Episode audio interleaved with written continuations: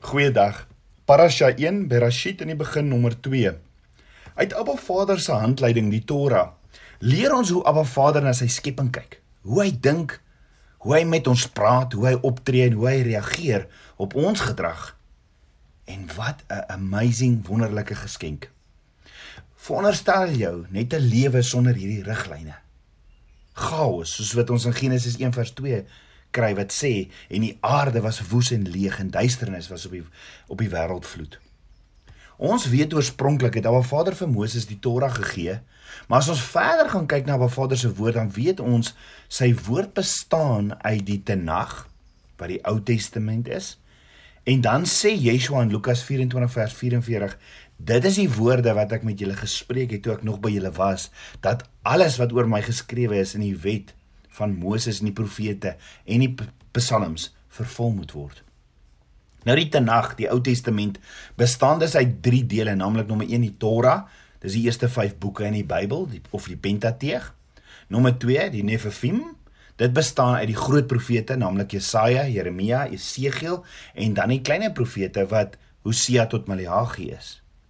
Dan nommer 3 die Shutafim, dit bestaan uit psalms, spreuke, prediker en klaagliedere. En dan nommer 4, dan kry ons die Bridesha. Dis die Nuwe Testament van Matteus tot Openbaring. Maar 'n ding wat ons nooit in ons kerke gekry het of van gehoor het nie en wat ongelooflik baie deurkom in die leringe van Yeshua toe hy op aarde was, is die tweede Torah. Hæ? Tweede Torah. Kom ek verduidelik. Die Torah, die eerste 5 boeke van die Bybel is voor in sinagoges gelees in die Bybelse tyd. Daar was nie vir almal 'n Bybel nie. Mense moes na die sinagoges toe gegaan het om die woord van Abba Vader te lees of te hoor.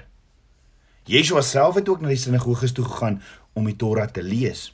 Nou ons het gister gesien Yeshua het na sy 40 dae vas na die sinagoge toe gegaan en die boek Jesaja oopgerol om te lees uit die weekse gedeelte in Jesaja 61 vir die mense.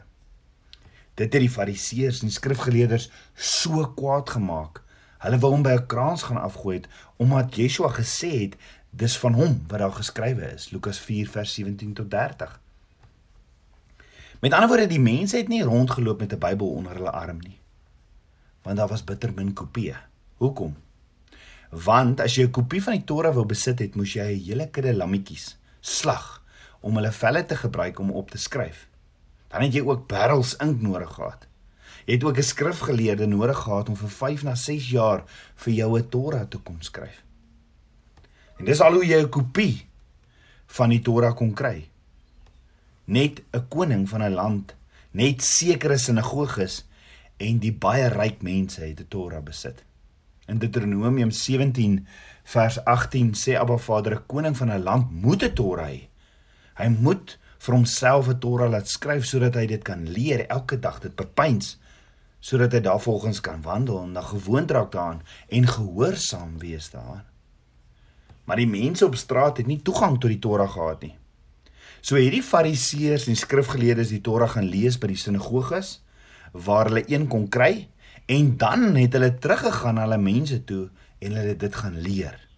Maar dit was 'n probleem want die mense kon nie gaan naslaan en kyk soos ons vandag kan nie of dit wat daar staan wat die fariseërs en skrifte skrif skrifgeleerdes hulle geleer het nie. So kan jy dink hoe die vyand ingekom en kom steel? So hierdie fariseërs en die skrifgeleerdes het vir mense dinge bygeleer wat ook glad nie in die Torah staan nie. Die fariseërs en die skrifgeleerdes het gekom en gesê, maar daar moet 'n interpretasie wees van Abba Vader se woord en hulle het die klomp opinies van al hierdie fariseërs en skrifgeleerdes saamgevoeg en dit genoem die Talmud. Het jy al ooit gehoor van die Talmud?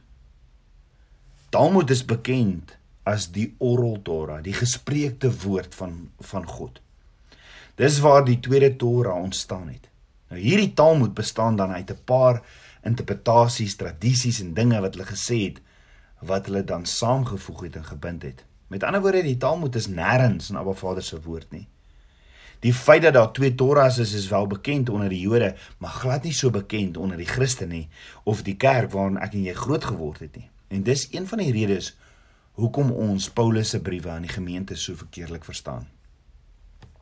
As ons gaan kyk na hierdie Talmud of die Oral Torah en ons verstaan nie dat hierdie twee opgebreek is nie, dan sal ons nooit die volle leringe in die Nuwe Testament ook verstaan nie. Dan maak dit wat Yeshua sê as hy sê hierdie praktyke van julle, hierdie mensgemaakte wette van julle, hierdie tradisies van julle sal julle in die hel uiteindig. Dan maak dit nie vir ons sin nie, nê. Daar's selfs mense wat glo dat die Talmud, die Oral Torah, het dieselfde autoriteit as die geskrewe Torah van Abba Vader. En as jy sien waar Yeshua kom en sê nee, as ek en jy dit nie verstaan nie, dan dan lyk dit asof asof as ons dit nie verstaan nie, dan lyk dit asof die Nuwe Testament homself die hele tyd weerspreek en asof Paulus hier dit sê en daar dit. En dit maak net glad nie sin nie.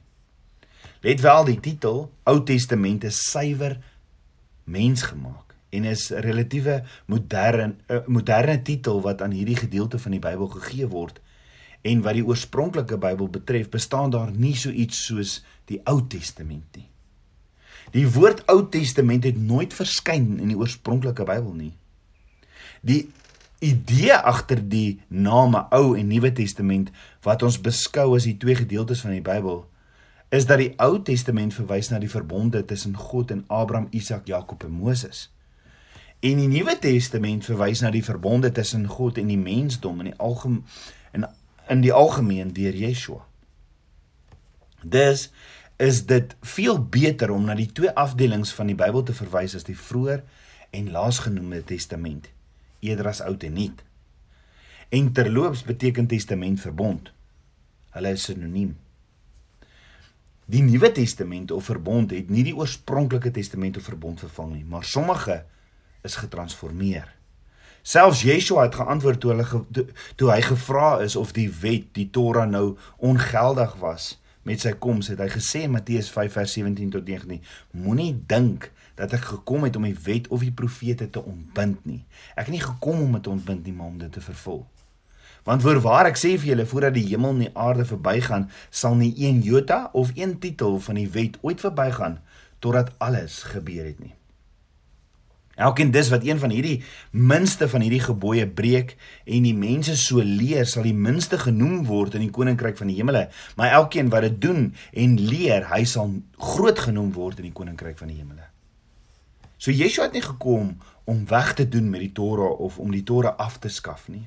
Nee, die Griekse woord vir vervul is pluriel wat beteken om te vul of om te bereik.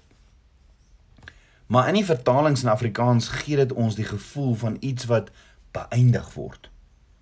Inteendeel die ware betekenis van vervul is om vol te vul of om op te vul.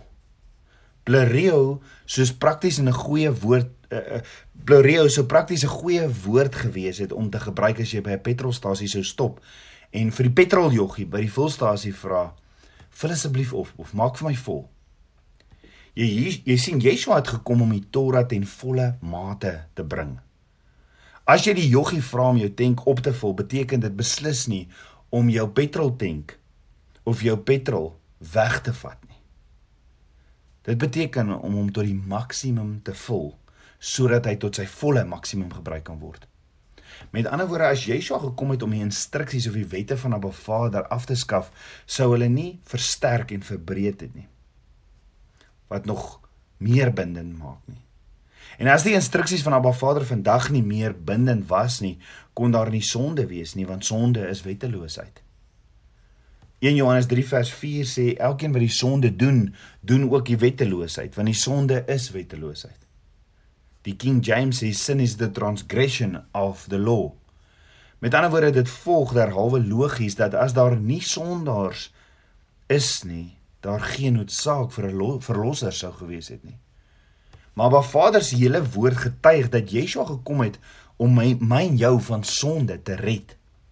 In plaas daarvan om die wet af te skaf of daarmee weg te doen, het Yeshua gekom om die loon van ons sondes, die straf vir ons oortredings van Abba Vader se instruksies of wette op hom te neem. Hy het die straf op hom geneem.